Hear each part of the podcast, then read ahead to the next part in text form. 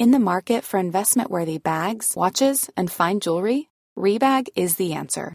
Rebag is a luxury resale platform where each piece is carefully inspected by experts to ensure quality and authenticity. Use Rebag to buy and sell finds from the world's top brands, including Louis Vuitton, Chanel, and Cartier. Head to Rebag.com and get up to 15% off your first purchase as a member with code REBAGNEW. Shop today at Rebag.com. That's R E B A G.com. And use promo code REBAGNEW for up to 15% off your first purchase as a member. Hey, I'm Ryan Reynolds. At Mint Mobile, we like to do the opposite of what Big Wireless does. They charge you a lot, we charge you a little. So naturally, when they announced they'd be raising their prices due to inflation, we decided to deflate our prices due to not hating you. That's right. We're cutting the price of Mint Unlimited from $30 a month to just $15 a month. Give it a try at mintmobile.com slash switch. $45 upfront for three months plus taxes and fees. Promo rate for new customers for limited time. Unlimited more than 40 gigabytes per month. Slows. Full terms at mintmobile.com. Hey, Dave. Yeah, Randy. Since we founded Bombus, we've always said our socks, underwear, and t shirts are super soft. Any new ideas? Maybe sublimely soft. Or disgustingly cozy? Wait, what? I got it. Bombus. Absurdly comfortable essentials for yourself And for those facing homelessness. because one purchased equals one donated. Wow, did we just write an ad? Yes. Bombas. Big comfort for everyone. Go to bombas.com slash ACAST and use code ACAST for 20% off your first purchase.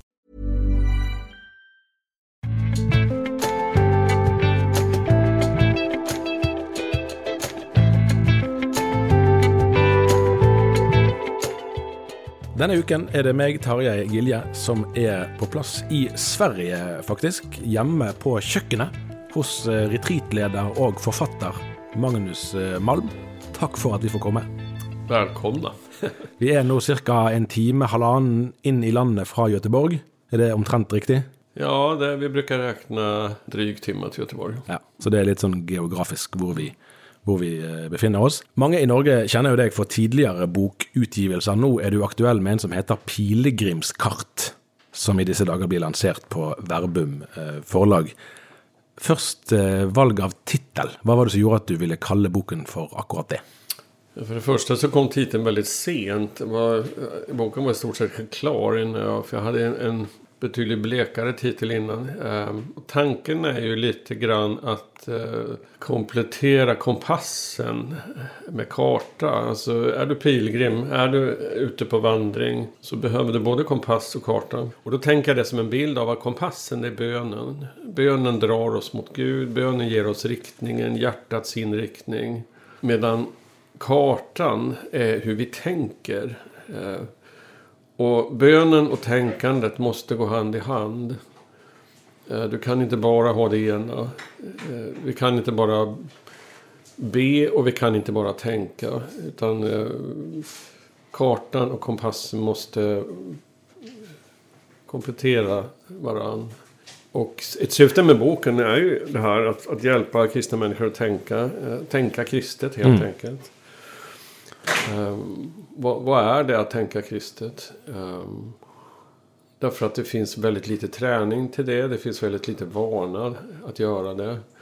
Ehm, vilket får till följd att människor tänker väldigt ofta sekulärt. Och sen lägger de till så att säga en kristen tro ovanpå det. Istället för att låta Gud vara utgångspunkten för hela sättet att tänka och leva. det är ju en kärnfråga. Är Gud ett tillägg eller är det utgångspunkt? Litt sånn umiddelbar kontekst, for nå sitter vi hjemme i huset ditt, og og ditt arbeidsrom er her borte. Eh, Og der skriver du faktisk manuskriptet ditt på skrivemaskin. Eh, Og det er ikke helt tilfeldig, det. At du, skri- at du ikke bruker dator, som man sier på svensk. Eh, Og det er, en, det er en del av nærmest en kallelse, vel, tror jeg, å, å være en som prøver å formulere eh, en sånn kristen forståelse som du snakker om. Og så har du òg, som en del av din tilnærming, at du ikke ønsker å bli del av alt ved den teknologiske utviklingen som vi ser rundt oss. Samma där, att inte bara glida med massan så att säga. Att göra som alla andra. Eh, Utan ställa frågor. Eh, Det betyder inte att jag är generellt teknikfientlig. Men att, att man måste ställa frågor. Eh, Vad blir effekten av att använda den här teologin, teknologin? Eh, vad är den långsiktiga effekten av det? Eh, Och att inte bara hugga på alla ny, nyheter som kommer. Utan ställa frågan var, var vill jag hamna? Och om jag vill dit, hur är det lämpligaste medlet för att komma dit? Så att säga, va? Det som Ignatius av Loyola är, är specialist på, nämligen förhållandet mellan mål och medel. Eh, vad är mitt mål med livet? Eh, och om det är målet, vad är då det lämpligaste medlet? Och väldigt ofta när det gäller teknologi så, så, så blir ju medlet mål. Eh, Alltså man har ingen aning vad man ska ha det till. Men man är helt upptatt vid, vid, vid eh, metoder med, och knep och, och eh, teknik så att säga. Eh, logistik eh, i det oändliga. Eh, och det får ett egenvärde som jag tror att det blir oerhört destruktivt. Eh, och där människan blir mer och mer anpassad till maskinen. Eh, alltså tekniken blir mer och mer anpassad till människan brukar man säga. Men människan blir också mer och mer anpassad till, till tekniken. Så gränsen mellan människa och maskin blir ju suddigare och suddigare. Och det ser vi väldigt tydligt inom IT. Där datorerna tänker mer och mer som människor. Och där människan också blir mer och mer lik en dator. Så att säga. Eh, vilket är en ganska kuslig utveckling. En ganska apokalyptisk utveckling egentligen. Eh, så att... Eh, jag har en känsla av att väldigt mycket i hela det apokalyptiska skeendet handlar om kriget mot människan, så att säga. Va? Kriget mot det mänskliga. Kriget mot det kroppsliga. Det som har med Guds avbild att göra. Där människan blir eh, ifrågasatt, eh, förtingligad. Eh, från väldigt många olika håll. Eh, från marknaden, från eh, tekniken, IT. Eh, eh, från väldigt mycket av inom olika sammanhang akademisering där, där den personliga erfarenheten hela tiden får stå tillbaka för teorierna. Ehm, eller någon slags förment objektivitet. Ehm, och där risken att vi också utvecklar en andlighet som ifrågasätter det mänskliga. Alltså den gnostiska andligheten har ju alltid gjort det. Och, i i ett, ett högteknologiskt kunskapssamhälle så blir den gnostiska andligheten med sin enorma viktläggning vid kunskapen, det teoretiska också väldigt gångbar. Och eh, effekten av det gnostiska är ju alltid att det mänskliga eh, trängs undan, marginaliseras. Mm. Vi, vi snakket om det i sted, vi tror du har skrevet 13 bøker. Ja, Om, I hvert fall ungefär 13. Og så har du ledet retreater i litt over 30 år. 32 sant? Så du, og du, du gjør det for undertredelse og har en del samtaler med mennesker. sånn at det er en utbredt kontaktflate der. Eh, og så eh, tenkte vi kunne se på en konkret eh, illustrasjon som du bruker i boken, som fortsetter litt det som du nettopp eh, snakket om nå. Og da er det en, en eh, skei, altså en jentunge som sier til sin far at 'jeg vil ikke være med i kirken, for det er så kjedelig eller tråkigt der'. Og så skriver du i boken 'Hva svarer pappa da?' Eh, jo, han sier at nej, nei, men det er jo ikke kjedelig i kirken, og i praksis lærer han da datteren et sånn dobbelt syn på sannhet, for det er egentlig kjedelig, men det må de ikke snakke om. Eh, hva burde faren ha svart? Han kunde till exempel säga ja, jag tycker också att det är kedligt ibland. Men jag går dit av ett annat skäl. Så förklarar man det. Därför att då ger du dottern rätten till sin känsla. Rätten till sin reaktion. Och lär henne att lita på sina reaktioner. Eh, alltså du skjuter fram den scenen 30 år. Den tjejen sitter i en gudstjänst. Vantrivs, gillar inte det som händer. Men drar slutsatsen, det är säkert mig det är fel på. Alltså massor av kristna människor beter sig på det sättet. Därför att de har fått lära sig att inte li- lita till sina egna reaktioner. Och kanske till, re, redan som barn lärde sig att du, du kan inte lita på dina känslor, du kan inte lita på du, hur du reagerar. Vilket gör att de blir extremt lättmanipulerade. Eh, jag tror att det är enormt viktigt att, att uh, den här flickan får, får veta av pappa att du läser rätt så att säga. Va? Uh, och du måste lita på vad du känner. Sen kan man då förhålla sig till sina känslor på ett annat sätt. Då. Men första steget för att kunna göra det, det är att erkänna vilken känsla jag faktiskt har. Mm. Om jag förtränger det, då, kan jag, då, då är jag helt lost. Liksom? Då, då vet jag varken ut eller in. Och blir extremt lätt manipulerad. Akkurat. Eh, jeg har lest de siste fem bøkene dine, eh, at det er mitt liksom, umiddelbare bakteppe. Og da, en av de observasjonene som jeg tror er ganske lett gjenkjennelig, er jo at du, du eh, analyserer og iakttar en rekke utviklingstrekk i svensk og i skandinavisk eh, kristenhet. Eh, og noe av det som du sier akkurat nå, er jo en, en del, for så vidt en, en litt gjentagende eh, observasjon. at dette, For dette blir jo en form for sekularisering. At Gud kommer på avstand fra, fra det virkelige livet. Eh, for din egen del, hva er det du ser på som eh, kontinuitetsfaktorer og bruddfaktorer i din egen kristne vandring? For du, har jo også et, du lever i ditt eget liv, samtidig som du observerer og skriver om mange andre sitt. Hva er det sjøl du tenker her er det jeg virkelig har funnet gull? Dette er skattene i, det- i min kristne erfarenhet. Eh, Her er, her er noen erfaringer som det er best å legge til side. Jag tänker, och det har kommit från väldigt många olika håll. Eh, En person som faktiskt betydde väldigt mycket, det var Francis Schaeffer. En amerikansk eh, eh, pastor, lärare, teolog som eh, så småningom hamnade som någon slags intellektuellt alibi för den kristna högern i USA. Alltså, han tog en väg som absolut inte var min. Men där han till en början hade ett oerhört viktigt inflytande på mig och många andra som jag känner till också. Eh, Det är som en, en kanadensisk teolog, Clark Pinnock, uttryckte det en gång. Schaefer liberated my thinking. Eh, och och det Schaefer gjorde med mig, det var att han, han hjälpte mig just att connect the dots, så att säga. Va? Alltså, Ja, for det er et krist- uttrykk du bruker i boka. Ja, jag använder uttrycket. Att, alltså, så hur får du ihop det du möter i världen, i studierna, i, i nyheterna, i värderingar i samhället och så vidare med den kristna tron? For, da, bare for å forklare illustrasjonen, sånn, at, sånn som vi husker fra Donald Duck og tegneserieblader, at du skal te- tegne en linje fra punkt Ja, 1 ja, og ja, videre, ja, og så får du en kanin eller et eller annet. Og du må faktisk trekke linjen for å se det. Du kan se alle punktene i og for seg, men for å se hele bildet, så må du faktisk trekke Ja, linjen. så det handlar om dels att se vad är det som hänger ihop. Men det, inte minst, vad är det som inte hänger ihop? Alltså vad är det som avviker?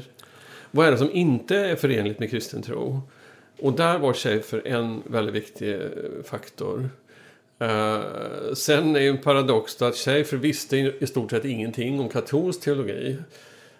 Uh, och det har ju varit då, han var väldigt antikatolsk, väldigt reformacho i, i, i sin grundinställning. Och uh, när jag sen kom i kontakt med det katolska på olika sätt och inte minst genom det eh, Ignatius av Loyola som ju är mycket av retreatrörelsens fader. eh, Haft enormt inflytande till exempel på en sån som Edin Lövås. Um, Edin brukade säga att den bok som betydde mest för honom var ju Ignatius andliga övningar som han läste på 50-talet. Ignatius var för mig väldigt mycket en slags homecoming där, där saker och ting föll på plats. Eh, det inre livet, bönen eh, och engagemanget för världen. Eh, många av de mest radikala prästerna i katolska kyrkan är jesuiter. Daniel Bergen till exempel som, som har kämpat i freds eh, från 68 och framåt. Eh, och eh, var med och skapade plogbilsrörelsen till exempel och allt det här eh, mot kärnvapen. En, ett inflytande där är också den amerikanska tidningen Sojourners med Jim Wallace som, som eh, hjälpte mig att tänka politiskt utifrån kristen tro. Därför att det, det jag hade mött som student eh, när det gäller politik det var en slags eh, från kristet håll då, det var ju en slags, i början på 70-talet, som var väldigt rött och inte minst i Göteborg där jag bodde. Det var en slags, eh, i grunden marxism med, med slags kristna, eh, en, en tunn kristen fernissa. Eh, och det, det attraherade mig inte, för jag såg att men det, är, ju- det är bara marxism. Det är ju egentligen, de bara använder ju bibelorden för att liksom hänga på sin, krist, sin marxistiska övertygelse. Där var det en revolution att möta Jim Wallace. Eh, och Sojourners. Därför att de, eh, de tänkte utifrån Bibeln. Vad innebär det att ta Bibeln på allvar när det gäller politik, rättvisefrågor, eh, miljöfrågor och så vidare. Så det var också en väldigt viktig... Eh, och det här visar också paradoxen då. Varför, om du tar Jim Wallace å ena sidan och Francis Schaeffer å andra sidan så är det två totalt olika poler i, i den amerikanska Ja, polariseringen. Ja? Det, men det, det visar att, att Gud kan tala från väldigt många olika håll. Mm. Om vi ser att det här hänger ju faktiskt ihop. Eh, om vi utgår ifrån Jesus Kristus som person. eh, så kan saker eh, falla på plats som annars hamnar i polarisering. Akkurat. Eh, I de to, det er vel de to forrige bøkene, 'Fri til å tjene', 'Fri til å følge', eh, som, kom, som de heter på norsk, så, så eh, oppfatter jeg at ønsket ditt er å oppsummere Eh, erfaringen, lærdommene fra retreatvirksomheten gjennom mange år. Og Der skriver du bl.a. en god del om, om pastorsutbildning, altså pastorutdanning eller presteutdanning, og, og løsrivelse av teologi fra det åndelige livet, altså fra bønn og andre kristne praksiser. Og Hvis vi tar den, den tilnærmingen med inn i hverdagslivet, hvilket råd vil du gi til mennesker som ønsker å, å følge Jesus, som ønsker å leve som kristne i Sverige, i Norge, i 2022, som pilegrimer i det terrenget som vi er blitt gitt å leve i? Jag brukar säga några konkreta råd. För det är bättre att vara konkret än att ge så allmänna abstrakta principer. Eh, så jag tror att en övning som Ignatius är väldigt tydlig med och som vi i, i retreatarbetet är också väldigt eh, konsekventa med att rekommendera. Det är ju det som Ignatius kallar examen. Alltså att varje kväll ta en kvart och gå igenom dagen tillsammans med Gud. På vilket sätt har Jesus kommit till mig idag? På vilket sätt har Gud gett sig till känna idag? Det är en praktisk övning skulle man kunna säga är connecting the dots. På vilket sätt har Gud genomsyrat den här dagen? I allt jag har mött, i mitt arbete, i media, etc. etc. Alltså det är en träning att tillsammans med Gud och inför Gud reflektera över livet. Och vad livet gör med mig. Vilka impulser är det som drar mig till Kristus? Vad är det som drar mig från Kristus? Vad är det som ger mig tröst? Vad är det som fyller mig med misströstan? Eh, vad är det som ger mig energi? Vad är det som dränerar mig på energi? Vad är det som, som vidgar mitt hjärta för världen? Och vad är det som krymper mitt hjärta? Och att i ljuset av den erfarenheten lite mer säga ja till det som drar mig till Gud. Förenar mitt liv, får det att hänga ihop, drar det in under Guds herravälde. Eh, och som ger liv eh, och, och läkedom och tröst. Och lite mer säga nej till det som splittrar, förytligar, eh, sekulariserar etc. etc. Den konkreta övningen mm. kan vara, den är potentiellt livsförvandlande. Mm. Eh, jag brukar säga det, kan du borsta tänderna på kvällen så kan du göra examen. Eh, släpp inte det. Mm.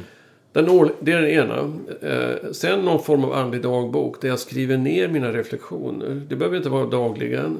Men att föra, som Dag Hammarskjöld uttrycker en, en bok över mina förhandlingar med Gud. Mm. Eh, han gjorde ju en sån själv som sen kom ut som, som vägmärken. Mm. Eh, och eh, för övrigt en av de böcker som har betytt mest för mig. Eh, överhuvudtaget Hammarskjöld som förebild. Och där man också kan se eh, möjligheten av att leva ett rikt andligt liv mitt i världen. Alltså, du kan knappast leva ett mer hektiskt eh, världstillvänt liv än, än som FNs generalsekreterare. Mm. Och eh, Hammarskjöld gjorde det med en, en djup förankring i Gud som, som är en, har varit en enorm förebild. Så den, någon form av andlig dagbok. Du behöver en själavårdare eller en andlig vägledare. En person inför vilken du kan bearbeta ditt liv. Dina tankar, ditt sätt att, att, att leva. Um, och den fjärde är den årliga retriten en, en eh, vecka om året när jag drar mig undan till retreat för att eh, släppa allt för att vara inför Gud. Eh, I en miljö som, som hjälper mig att eh, lyssna, att eh, så att säga inför Guds ansikte gå igenom mina relationer. Mina relationer till Gud, till mina närmaste, till mitt arbete, till mig själv. Får man de fyra på plats så har man en hyfsat god grund för att, att integrera sitt liv, så tänker jag. Uh, och i det ligger ju naturligtvis också utmaningen att så att säga läsa tidningen med ena ögat och läsa Bibeln med andra ögat. Mm. Alltså, och det var ju faktiskt Schaefer som, ja, för det som uttryck, uttryckte det. Ja. Att en kristen student måste plugga dubbelt så hårt som andra. Han mm. ska kunna sina studier. Och han, ska läsa Bibeln och relatera dem till, till studierna. Och det är som John Stott, alltså den engelske prästen, var väl i samma... Ja, John Stott tänkte double listening, jag vet? Jag vet, ja, ja. Och byggde upp det här institutet i London. Mm. Där. Mm. Uh, och där tror jag det finns enormt mycket att lära. Ja. Alltså, det är en träning helt enkelt att... att eh, eller för att använda ett, ett uttryck som Jesus sa, det här att, att vara vaksam. Att hela tiden eh, ha en skärpt vaksamhet när det kommer nya tankar, nya värderingar. Att ställa kritiska frågor. Att köp inte bara det senaste. Köp inte bara det som alla andra säger. Utan ställ bibliska frågor. Stämmer det här? Vad händer om vi lever så här? Vad händer idag? Vad händer om tio år om vi lever så här? Är det där vi vill hamna? Hur stämmer det med kyrkans erfarenhet under 2000 år? Hur stämmer det med Jesu undervisning? Hur stämmer det med Jesu person? Jag tror att det är fruktansvärt viktigt att, att lära sig att ställa kritiska frågor. Inte minst till exempel om du är student. Att inte bara falla pladask för den här över, för, senaste föreläsningen därför att den var så briljant. Och den var så oerhört mycket smartare än alla predikningar jag har hört i kyrkan. Och det är ju väldigt många kristna studenter som bara faller. De bara rasar ihop i sin kristna tro. Efter två veckor så är de totalt sekulariserade. Utan att ha ställt en enda kritisk fråga. Et, eh, et sentralt oppfatter jeg, analytisk poeng eh, i boken. Jeg lurer på om det er en bønn du siterer helt til å begynne med, og når vi gjerne holder det sammen med en annen ting du også sier i boken. Og Der står det først at vi har forvist deg, altså Gud, til det vi liker å kalle det hellige. Ja, så er det paradoksalt, og der vi viser deg en respekt som gjør oss trygge på at du ikke legger deg opp i hverdagslivet vårt. Nei, altså en Gud som er på avstand. Ja, nettopp. Ja. Og så skriver du litt senere, og dette sier jeg med referanse til for så vidt de miljøene som Dagen eh, vokste ut fra. Du skriver at eh, de store vekkelsene forvandlet manges liv, men kunne ikke stanse bevegelsen bort fra Gud som skapelsens og historiens herre, til en Gud som bare har råderett i det enkelte menneskes hjerte. Der er det jo på Gud veldig nær sant? I, det andre utsagnet, men likevel eh, privatisert på et Ja. vis. Altså ikke den Gud som egentlig er en premissleverandør for eksistensen vår, men mer som en sånn exakt, exakt. tillegg. Exakt. Och det var ju pietismens svaga punkt. Liksom. Den fortsatte ju egentligen bara den privatisering som romantiken hade skapat. Alltså Gud är en inre känsla. Eh, sen att det blev en väldigt stark känsla som i och för sig var livsförvandlande på det privata och personliga planet. Men som inte hjälpte människor att se att Gud är hela skapelsens herre. Jag ska ta ett konkret exempel. Eh, vi bor ju här på landet eh, och eh, det var en stark väckelse här på 1800-talet. Eh, från försupenhet till att verkligen upprättelse på många sätt här. De människor fick sina liv förvandlade och det bildades väldigt stora och starka frikyrkor här. Eh, jag frågade en bonde som, som nu är död. Han hade varit bonde under större delen av sitt liv. Har du någonsin hört en predikan om jordbruket i Missionskyrkan?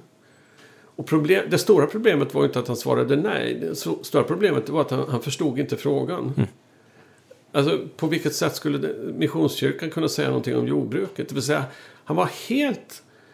Det, det var helt självklart för honom att det han hör i kyrkan har ingenting med hans vardagsliv att göra överhuvudtaget.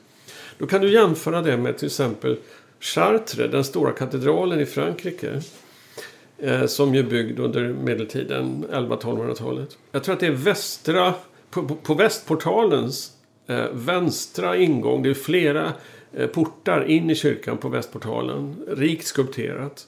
Eh, Mittportalen är en stor bild av Majestas Domine som det heter, alltså Kristus i härlighet. Alltså, eh, Kristus sitter i, på tronen och, och så det är liksom den centrala porten i, i Chartres.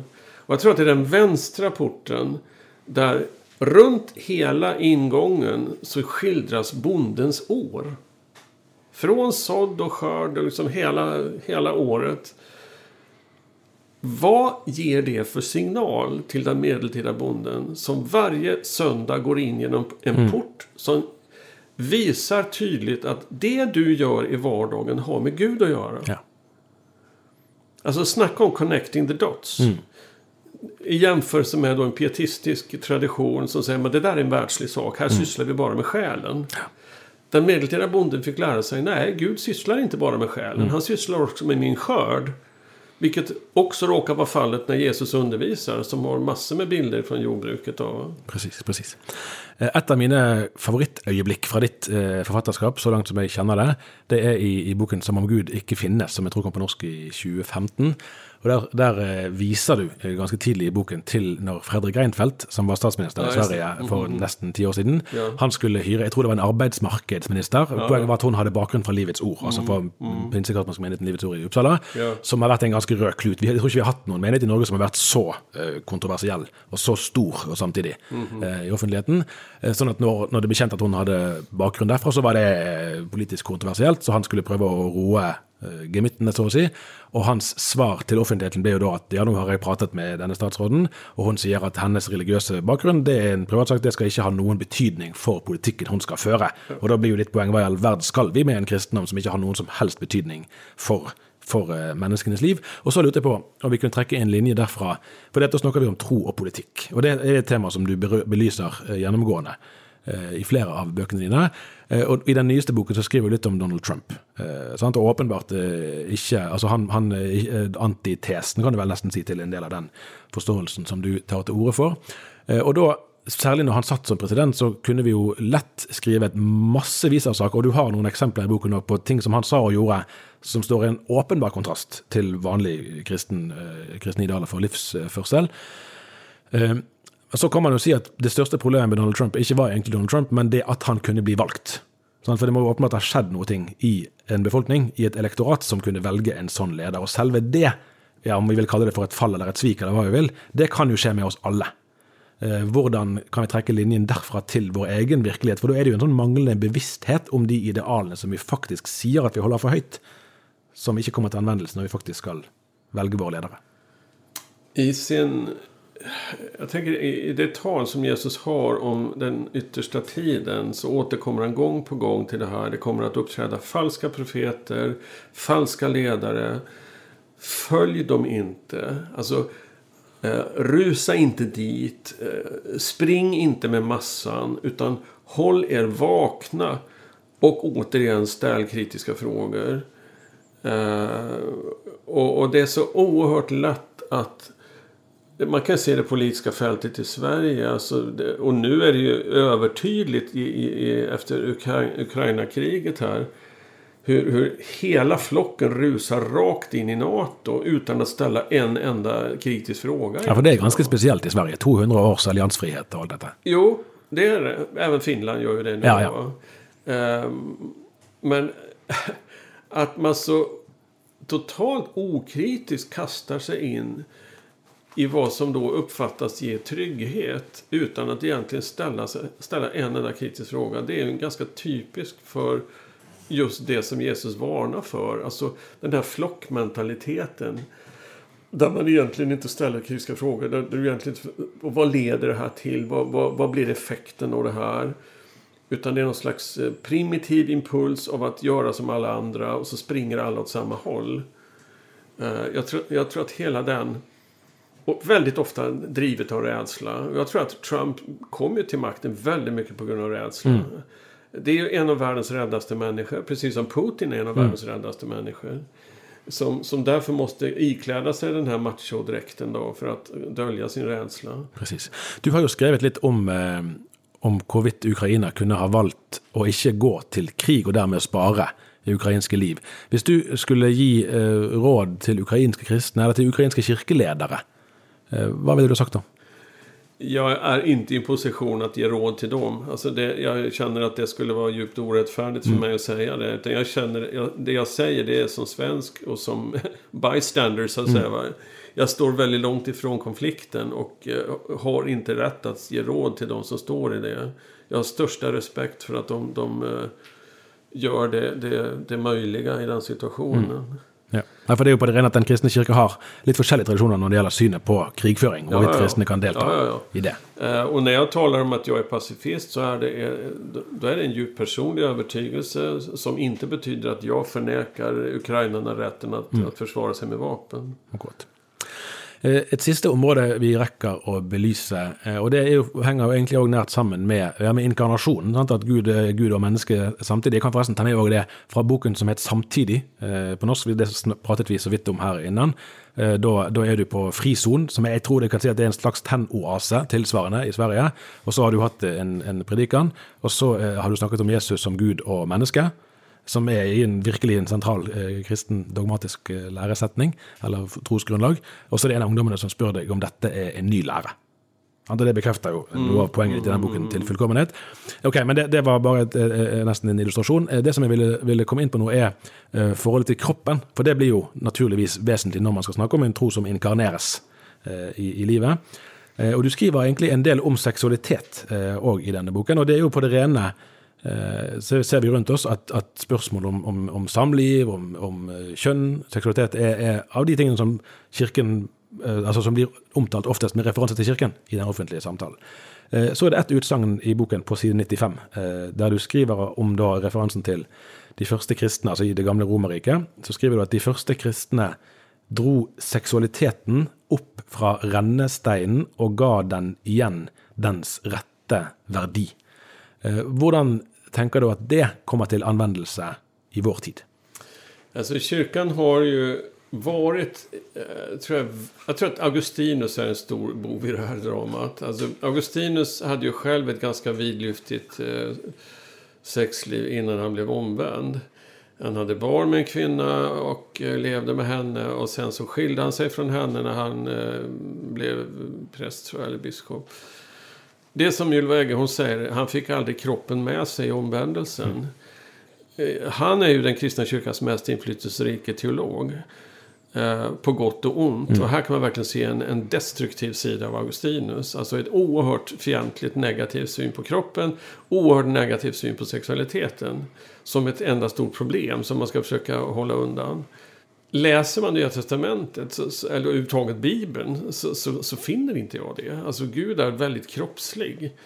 Eh, och eh, Paulus kan säga till exempel att ni, till makarna, ni ska inte dra er undan från varandra, utom möjligen under tider av bön. Alltså, han, han uppmanar dem alltså till att, att leva ett rikt sexuellt liv tillsammans. Eh, Det skulle man inte göra om, om sexualitet var nå- någonting negativt. Och det starkaste uttrycket för det egentligen, det är ju när Paulus säger att kroppen är den heliga andes tempel. Det är ett alldeles oerhört statement. Alltså när en jude säger det och jämför kroppen med templet som är den heligaste platsen för en jude. Det är ett, du kan inte säga något starkare positivt. Og Der er jo kontrasten veldig stor i den umiddelbare konteksten. Og det poengterer du òg i boken. Til den umiddelbare konteksten der, der romerske herrer sant, kunne forholde seg til andres kropper som sin egen eiendom. egentlig. Ja, ja, precis. Att det är en väldig precis, forskjell, ja. precis. Och, och där reser ju verkligen Paulus och den kristna kyrkan upp sexualiteten och kroppen ur rännstenen, så att säga. Va? Eh, vem är det som är sexfientlig? Ja, inte är det den kristna kyrkan i alla fall. Sen att jag har kommit in då under grekisk gnostiskt inflytande, en negativ syn på kroppen, men den finns inte i Bibeln. Ta bara det hebreiska uttrycket att känna att känna någon, eh, det är ju samma ord är ju som att ha samlag. I gamla översättningar så står det han kände henne. Eh, Det vill säga han låg med henne, han, han hade samlag med henne. Och, och det säger ju väldigt mycket om att, att, att ligga med någon, att ha sex med någon, det är att känna den personen. Det är alltså en väldigt djup personlig förening. Det är inte samma sak som att gå på toaletten. Som det var väldigt mycket i romarriket. Eh, Tom Holland som jag citerar där har ju, gör ju en poäng av det här att i, latinet så är det samma ord för att gå och urinera och att ha utlösning. Eh, alltså det var ju att gå och pinka och ställa sig vid ett träd och att, att sätta på en slavinna var liksom likvärdigt moraliskt sett för, för en, en, en romersk eh, fri man. Då. Eftersom det var en enorm skillnad på hur, hur, vilken social ställning du hade och om du var man eller kvinna. Går det an å se for seg at hvis man kan si det enkelt, da går det an å se for seg at Kirken kan komme på offensiven her? For her har jo, altså selv om det kan være noen uenigheter i Den kristne kirke om nøyaktig hvor grensene går for, eh, for Ja, eh, altså, ja. ulike ting, eh, at, at det å ha en, et positivt syn på kropp og seksualitet eh, det skulle jo være et positivt, altså et offensivt Ja, om du vil da, ja, ja. Ja, ja. budskap. Mens nå kan man få en opplevelse av at Kirken egentlig eh, kvir seg for å snakke. Jag vet, jag vet. Och det är vi skäms så mycket för saker som inte borde skämmas för, så att säga. Va? Jag tror att vi skulle vara mycket, mycket tuffare Eh, och det är lite intressant att det är Tom Holland som skriver om det här och lyfter fram det. Som, som alltså ganska sent i livet har kommit till tro. Och som framförallt är en, en historiker. Har skrivit böcker om Caesar, om, om den romerska republiken och så vidare. Bestsellerförfattare i historiska ämnen. Eh, och plötsligt så, så kommer han till tro och skriver den här boken Dominion. Eh, om den kristna kyrkans påverkan på västerlandet. Eh, fantastisk genomgång. Eh, och han som då antikexpert och inte teolog får mig att upptäcka hur radikal Paulus är. Eh, och, och hur, hur enormt befriande hans syn är på sexualitet och kroppen. Eh, jag tänker också utifrån andlig vägledning. Vi, vi jobbar ju mycket med också det kroppsliga i retriterna. Eh, till exempel när man sätter sig ner och ska be. Då är det i din kropp och med din kropp du möter Gud. Om, om kroppen är den heliga Andes tempel, då är inte kroppen ett hinder för din bön. Utan då är det platsen för din bön, platsen för ditt gudsmöte. Eh, och där är det också viktigt till exempel hur du sitter eller hur du hanterar din kropp. Eller att du lyssnar på kroppens signaler och så vidare. Jag brukar säga att kroppen och den heliga ande har många saker gemensamt. Det är, en, det är ingen tillfällighet att Paulus kallar kroppen för den heliga andes tempel. De har bland annat det gemensamt att kroppen och anden talar båda sanning. Kroppen ljuger aldrig. Kroppen berättar alltid sanningen. Däremot säger kroppen inte nödvändigtvis någonting om vad som är rätt eller fel. Det är precis som med känslor. Mm. Känslorna sitter ju väldigt mycket i kroppen. Mm. Och känslorna ljuger aldrig. Däremot så säger känslorna nödvändigtvis ingenting om vad som är rätt eller fel. Men det är alltid viktigt att lyssna till sanningen. Eh, för att sen kunna välja vilken väg vill jag gå. Eh, och att trycka ner sin kropp och kroppens signaler eller känslorna leder alltid till förvirring och att människan tappar orienteringen. Eh, så att, att lyssna till sanningens ande och att lyssna till sin kropp är väldigt mycket i samma gata så att säga.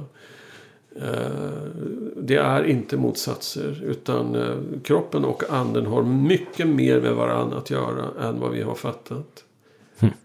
Paulus skulle aldrig säga att kroppen är den helige andes tempel annars. Hmm.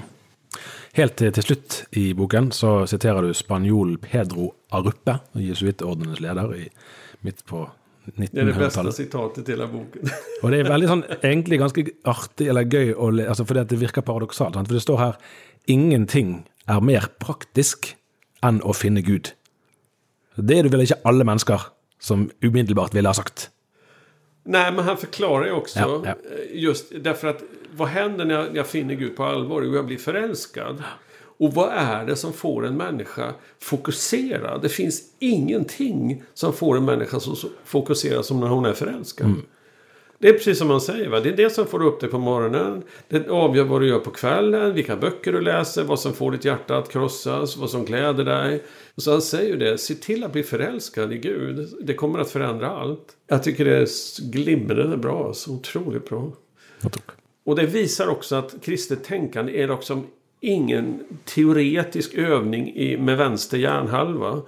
Utan det är någonting som involverar hela kroppen, hela människan. Och det kommer från hjärtat. Alltså hjärta och hjärna är inte motsatser. Utan det, det de andas tillsammans så att säga. De talar samma språk. Mm, ja, typ. Och så är det jo, kan vi jo slutte helt kanskje med det som du poengterer flere ganger, i at, at uh, eh, troen ikke kan reduseres til bare det som føles och gi mening, men faktisk i om det er om evangeliet er sant, altså om Kristus har ja, ja, ja. stått opp fra de døde absolutt, som en historisk absolutt. realitet. Absolutt. Det er selve hoppstegnet. Så det er vel kartets uh, brennpunkt for ja, pilegrim. Precis. Jeg tror vi sier at det var det vi rakk, for du skal faktisk ha en samtale om ikke så lenge. For sånn er dine hverdager. Så da sier jeg uh, takk så mye for at vi fikk komme hit. Ja, takk skal du ha. Og vi høres igjen neste uke. Ha det bra.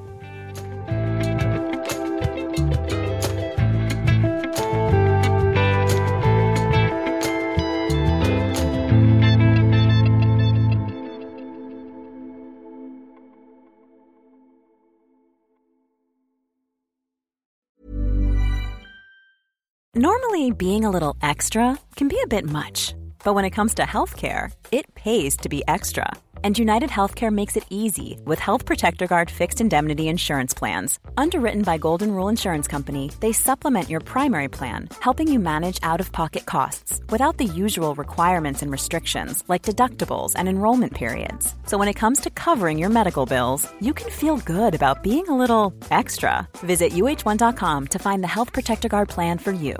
Hi, I'm Daniel, founder of Pretty Litter. Did you know cats tend to hide symptoms of sickness and pain? I learned this the hard way after losing my cat, Gingy. So I created Pretty Litter, a health monitoring litter that helps detect early signs of illness by changing colors, saving you money and potentially your cat's life. Pretty Litter is veterinarian developed, and it's the easiest way to keep tabs on your fur baby's health right at home. Go to prettylitter.com and use code ACAST for 20% off your first order and a free cat toy. Terms and conditions apply. See site for details. Hey, it's Paige DeSorbo from Giggly Squad. High quality fashion without the price tag? Say hello to Quince. I'm snagging high end essentials like cozy cashmere sweaters, sleek leather jackets, fine jewelry, and so much more. With Quince being 50 to 80% less than similar brands and they partner with factories that prioritize safe ethical and responsible manufacturing i love that luxury quality within reach. Go to quince.com slash style to get free shipping and 365 day returns on your next order. quince.com slash style